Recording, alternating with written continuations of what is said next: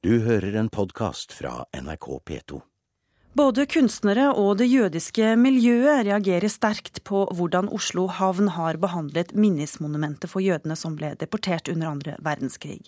Oslo havn vil sette opp lysmaster rundt monumentet for å belyse Akershus festning. Dette skjemmer kunstverket og vitner om et fullstendig mangel på skjønn, mener Sissel Levin, direktør ved Jødisk museum. Jeg synes det er litt uh, ufølsomt å sette opp to slike lysmaster rundt et slikt uh, minnesmerke som er uh, veldig vart og veldig sårt. Utenfor muren til Akershus festning i Oslo står minnesmerket over de deporterte jødene. Kunstverket var en gave fra staten og består av åtte stoler som peker ut mot fjorden der jødene ble fraktet bort under andre verdenskrig. Ja, jeg tenker at her er det noen som har utvist et veldig dårlig skjønn. I arbeidet med å lyssette festningen satte Oslo havn opp lysmaster rundt kunstverket. Det fikk Det mosaiske trossamfunn, Holocaust-senteret og kunstneren bak monumentet til å reagere. For direktør ved Jødisk museum, Sissel Levin, ga lysmastene assosiasjoner til fangeleire. Må jo si at jeg fikk umiddelbart en, en ekkel følelse av uh, lyskastere over en fangeleir, og det er, er, vel akkurat det motsatte av det vi skal tenke når vi ser det monumentet. Vi har hatt en lang prosess for å finne ut hva slags master som skal være der. Hva folk synes om hvordan de ser ut, det syns jeg er vanskelig, og det kan være opp til hver enkelt. Det sier Anne Kristin Jukse, kommunikasjonsdirektør ved Oslo havn. De har nå tatt ned lysmastene som ble satt opp, men planene om å lyssette festningen står fortsatt ved lag. Vi ønsker å få bedre lys både på kaia, langs veien og også opp mot festningen. Det er veldig mørkt der i dag, og hvis det skal være trygt for folk å være der, så trenger de mer lys. Særlig nå på denne tida av året. Har vi det kartet ved siden av sant, dette her? Den verdenskjente kunstneren Anthony Gormley liker svært dårlig at kunstverket skal omringes av det han mener er skjemmende lyssetting.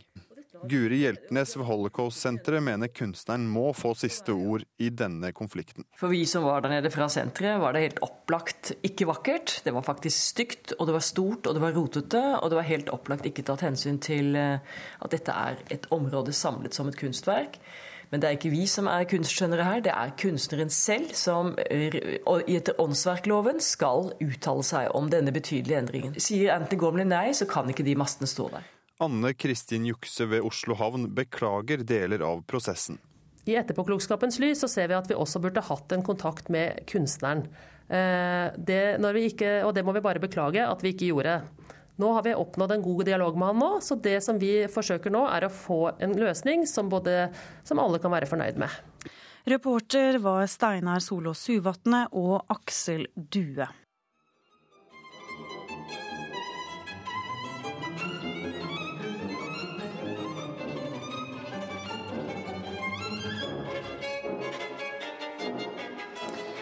Dette er filonisten Miriam Helms Aalien fra Alta, som i går kveld vant den prestisjetunge Prinsesse Astrid musikkpris. Musikkprisen er en nordisk konkurranse for unge musikktalenter. 20 år gamle Aalien vant 200 000 kroner for sin fremragende spillekunst og et solistoppdrag med Trondheim Symfoniorkester. Nei, det er jo en utrolig ære, da. Jeg skjønner ikke helt at jeg står her. Men um, altså, det er anerkjennelse. sant? Jeg, jeg, jobber videre, jeg jobber hardt og vil prøve å Ja. Jeg håper jo at flere kanskje har lyst til å høre meg spille, da. Det var altså den lykkelige vinneren Miriam Helms Aallien du hørte kommentere at hun hadde vunnet pris. Det bergensutviklede spillet Uglegutten kan bli norsk spillbransjes store internasjonale gjennombrudd. Rundt om i landet dukker nye selskaper som utvikler spill til den voksne dataspillmarkedet opp. Og mens internasjonale tungvektere som Nintendo og Sony rigget seg rundt dem, håper et knippe norske selskaper å stikke seg fram når den store norske spillmessen starter i dag. Igjen hovedelementene med magnetisme her. Eh, hvis de, disse små søte greiene som Davoltwalkere, hvis de gir deg en positiv ladning, så blir du dratt inn i feltene, og da dør du. Det høres svært dramatisk ut, men slapp av. Det er bare utvikler Marte Haugsbø som kaster magniserte blokker mot en skurk i det kommende norske spillet Tesla Grad. Så det som skjer her nå, er at uh, du må rett og slett bare mate han med disse blokkene, mens et rullebånd ruller veldig fort mot en svær, uh, en svær fyrer rett her borte. Opp. Der ble han sint. Spillet er et av mange som kjemper om oppmerksomheten når den første store norske spillmessen starter i dag. 10 000 entusiaster forventes til Lillestrøm i løpet av helgen. På SpillExpo 2012 kan de prøve de nyeste spillene og konsollene, delta i spillkonkurranser og snakke med internasjonale utviklere eller de ti norske selskapene som deler stand. Vi holder til i Bergen, kanskje noen holder til i Oslo, noen holder til i Trondheim. Eh, det er vanskelig å alltid komme sammen og gjerne ha en konstant dialog og se hverandres ideer og sånne ting som det. Og jeg tror at dette her definitivt kan føre til et bedre samhold eh, i det norske miljøet, ikke bare bergensmiljøet og Oslo-miljøet og Trondheim-miljøet osv. Uansett by blir disse miljøene stadig større. Ifølge en kartlegging fra Kulturdepartementet var det i fjor registrert 73 norske spillselskaper, bortimot en dobling på fire år. Det har vært en nærmest eksplosiv økning, eh, spesielt rundt teknologimiljøene i byer som Oslo, Bergen og Trondheim. Det sier spillanmelder Rune Haakonsen i Filmpolitiet. Blant årsakene er økt offentlig støtte og nye markeder for rimelige spill til internett og smarttelefoner. Og Det er nok her den viktigste utviklingen kommer til å gå de neste årene. De store spillene kommer kommer nok ikke til å være så mange av, så jeg tror nok at det er de mindre spillene og de mindre eh, selskapene som kommer til å være kjennetegnet for norsk spillindustri i 2013. Dette her er da eh, huset til Otus, som er eh, protagonisten i spillet. da. Sier Jo Remi Madsen i bergensfirmaet Dpad om spillet Owlboy, som er Et spill om en ugle som eh, har lyst til å redde byen sin. Owlboy har i lang tid fått internasjonal oppmerksomhet, og etter flere års utvikling vil det bli sluppet neste år.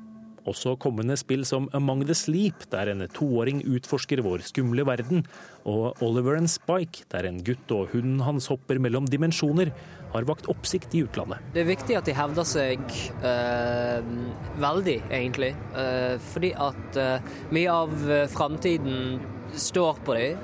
Hvis folk sier Hvis spill gjør det veldig dårlig, så kommer jo folk til å si at spill fra Norge er udugelige. og generelt veldig dårlig. Sant? Og det, det ryktet har ikke vi lyst til å ha i det hele tatt. Filmpolitiets Rune Haakonsen tror ikke 2013 vil bli det definitive gjennombruddsåret for norske spill. Men 2013 vil uh, nok være et viktig år uh, der mye av framtiden til norsk spillindustri vil bli satt i måten de uh, altså klarer disse titlene som Eller utviklerne vi har vært innom så langt, å tjene penger. Det er jo den største utfordringen i dette internasjonale markedet.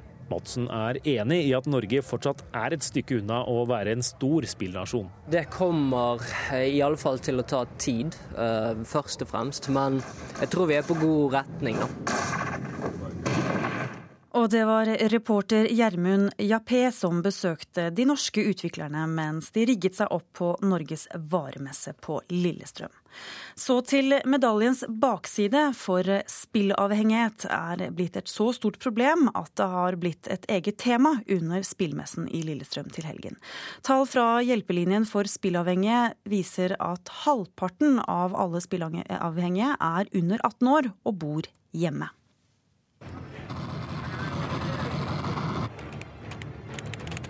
Omtrent 3500 mennesker sliter med spilleavhengighet i Norge. I dag åpner Spillekspo på varemessen i Lillestrøm, og der har man ikke glemt at spillavhengighet kan være et stort problem hos noen av de besøkende.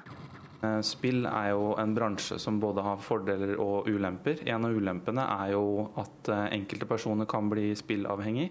Det sier mestersjef Erling Løken Andersen. Det har blitt mange som er avhengig av TV og dataspill, og de er i alle aldre. Eh, det kan være mødre i alderen 30 til 50 år som er blitt litt for glad i Facebook-spillet sitt eller Kapal-spillet. Eh, og det kan også være unge gutter og unge jenter som, eh, som blir hekta på rollespill og den type ting.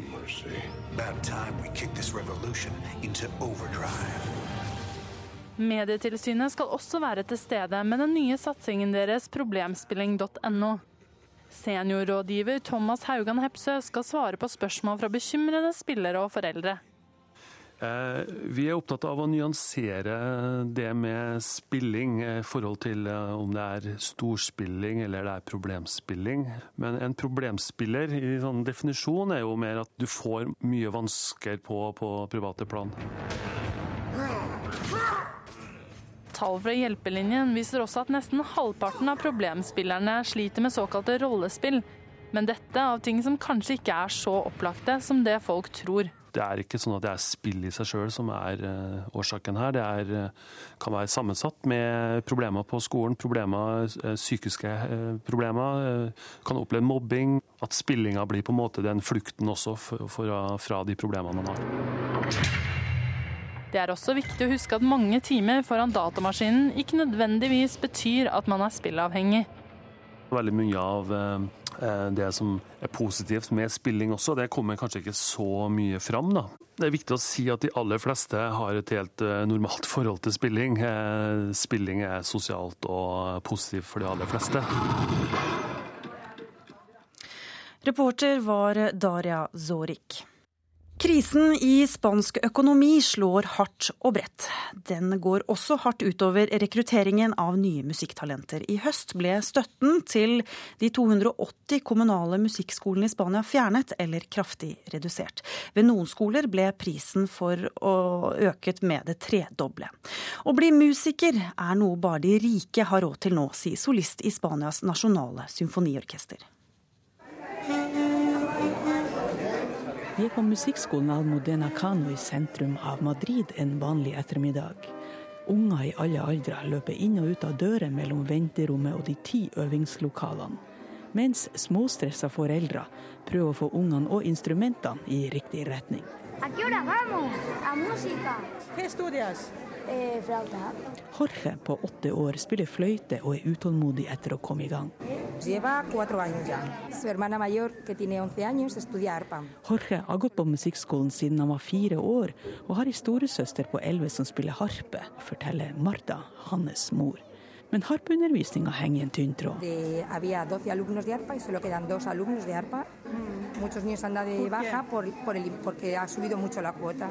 De, había 12 alumnos de arpa y solo quedan dos alumnos de arpa. Muchos niños han dado de baja por, por el, porque ha subido mucho la cuota. Før var det tolv elever, nå er det bare to igjen, som sammen har én time harpeundervisning i uka. Da kommunen fjerna all økonomisk støtte, forsvant en stor del av elevene. Martha betalte før 50 euro i måneden for hver av ungene. Nå betaler hun det dobbelte. Ved andre musikkskoler er prisen tredobla. Ifølge avisa El Pais har rundt 40% av landets musikkskoleelever slutta. ¿Qué has hecho hoy? Pues he estudiado violonchelo y da clases de violonchelo. Y también canciones. ¿Cómo te llamas? Mar. Mar er tolv år, hun spiller cello og synger, og hun er en av de inntil nylig 265 000 unge som de siste årene har gått på kommunale musikkskoler her i Spania. Et tall som er i ferd med å halveres. Da skolene starta opp for 20 år siden, var hensikten at alle som ville, skulle få muligheten til musikkundervisning, uavhengig av hva foreldrene tjente. Sånn er det ikke lenger. Også det eneste offentlige undervisningstilbudet på videregående innen musikk og dans, som hittil har gitt plass til 8000 ungdommer, ble nylig lagt ned. Musikkundervisninga er i ferd med å bli privatisert, sier Juan José Rodriges, som venter utafor musikkskolen på sin saksofonspillende datter. Dette er Manuel Blanco, nytt stjerneskudd på den klassiske musikkhimmelen. Hans vei har gått via både kommunal musikkskole og musikkonservatorium. Pues por ejemplo, mi caso, vengo una familia muy humilde, o sea, no, Familien var fattig, men skjønte at gutten hadde talent. Takket være de nyoppstarta musikkskolene og en far som kjørte milevis hver uke for å bringe og hente gutten, fikk han muligheten til å utvikle seg. I dag er Manuel Blanco 27 år og solist på trompet i Spanias nasjonale symfoniorkester. Musikkutdanning har blitt noe for de rike. De andre må ut av Spania, sier den anerkjente solisten.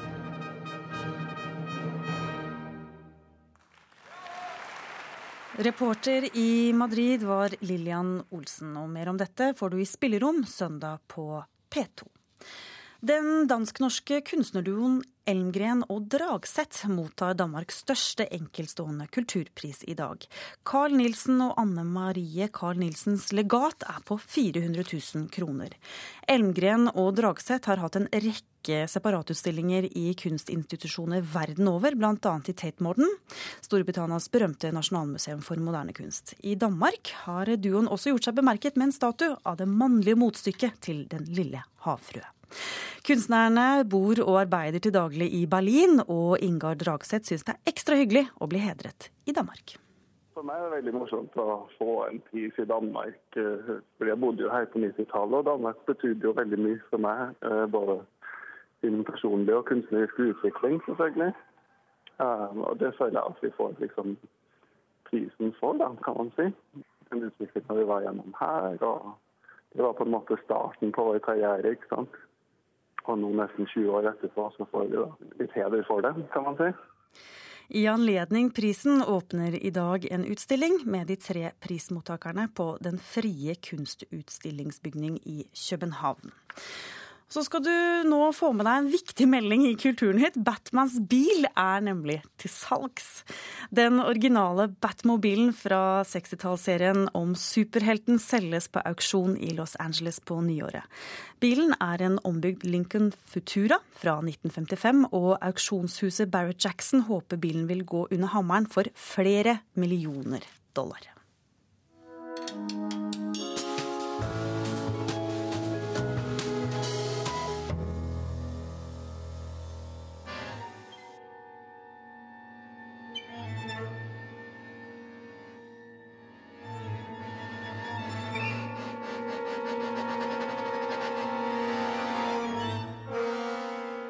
Dette er verket Spor for trekkspill og orkester av Arne Norheim. Fremført av Frode Hatli på en ny utgivelse som inneholder Norheims komplette verker for trekkspill.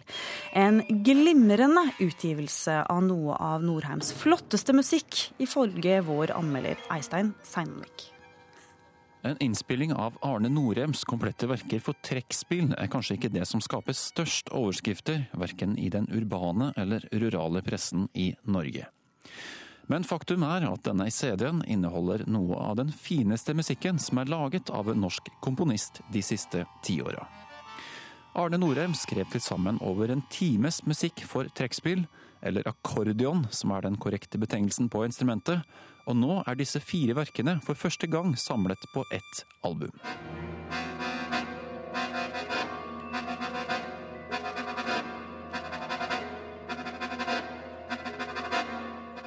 Det er altså Frode Haltli som er mannen bak denne plata. En akkordionist som har markert seg sterkt både nasjonalt og internasjonalt de siste åra innenfor folkemusikk, frijazz og samtidsmusikk.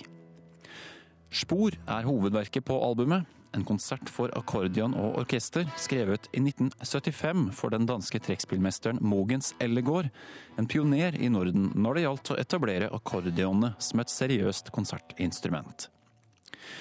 Alle fire verkene på denne platen har blitt til gjennom et tett samarbeid mellom Arne Norheim og Mogens Ellegård. Frode Haltli fremstår som den ideelle arvtaker etter Ellegård, som døde i 1995. I Spor hører vi Haltli i godt samspill med Kringkastingsorkesteret under ledelse av Christian Eggen.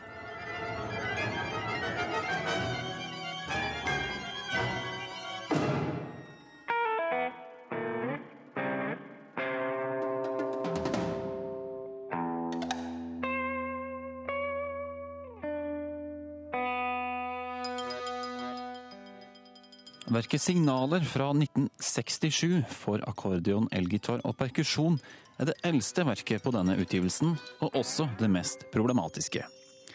Bruken av elgitar i samtidsmusikksammenheng har ofte vist seg vanskelig, og selv om finske Raoul Bjørkenheim får mye ut av gitarstemmen, fremstår likevel signaler i ettertid mer som et eksperiment enn som et fullendt verk. Det var først i 1971, med stykket Dinosauros, at Arne Norheim for alvor klarte å vise verden hva et skarvet trekkspill kunne være i stand til.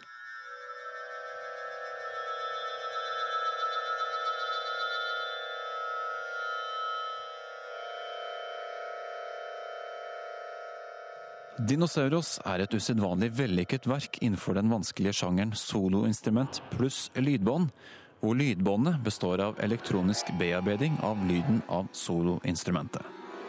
På Dinosauros har Norem fått til en helt glidende overgang mellom akkordionene og den elektroniske lyden. Dermed høres det ut som det er ett stort instrument som spiller, et slags futuristisk hypertrekkspill.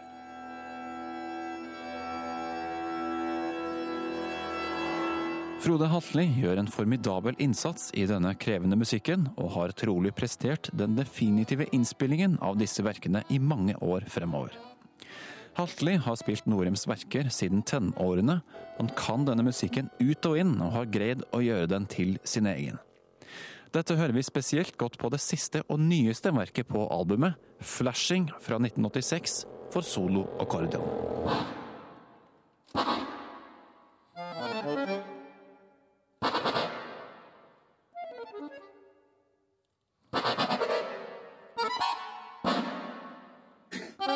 hørte altså 'Flashing' til slutt her, fra Frode Hatlis nye innspilling av Arne Norheims komplette verke for akkordeon. Den ble anmeldt av Øystein Sandvik. I fjor gikk den til Stig Seterbakken. Hvem går den til i år? 1.12 er siste frist for å melde seg til dyst i lytterjuryen i P2s romanpris. Marta Norheim, hva skal man gjøre for å få lov å være med å bestemme? Ja, eh, Det første og viktigste er at en skriver en e-post til eh, romanprisen, krøllalfa nrk.no, og forteller om eh, hva en liker å lese, og litt om hvem en er. For vi skal nemlig da plukke ut seks eh, utvalgte av den bunken som vi får hvert år. Det er en av høydepunktene i året, å lese gjennom den bunken. Og da er vi opptatt av eh, god variasjon, selvsagt alder, bakgrunn, litterær smak osv. Vi vil jo ha noen gode diskusjoner. Men, men nå gjelder det altså å, å, sende inn eh, noen ord.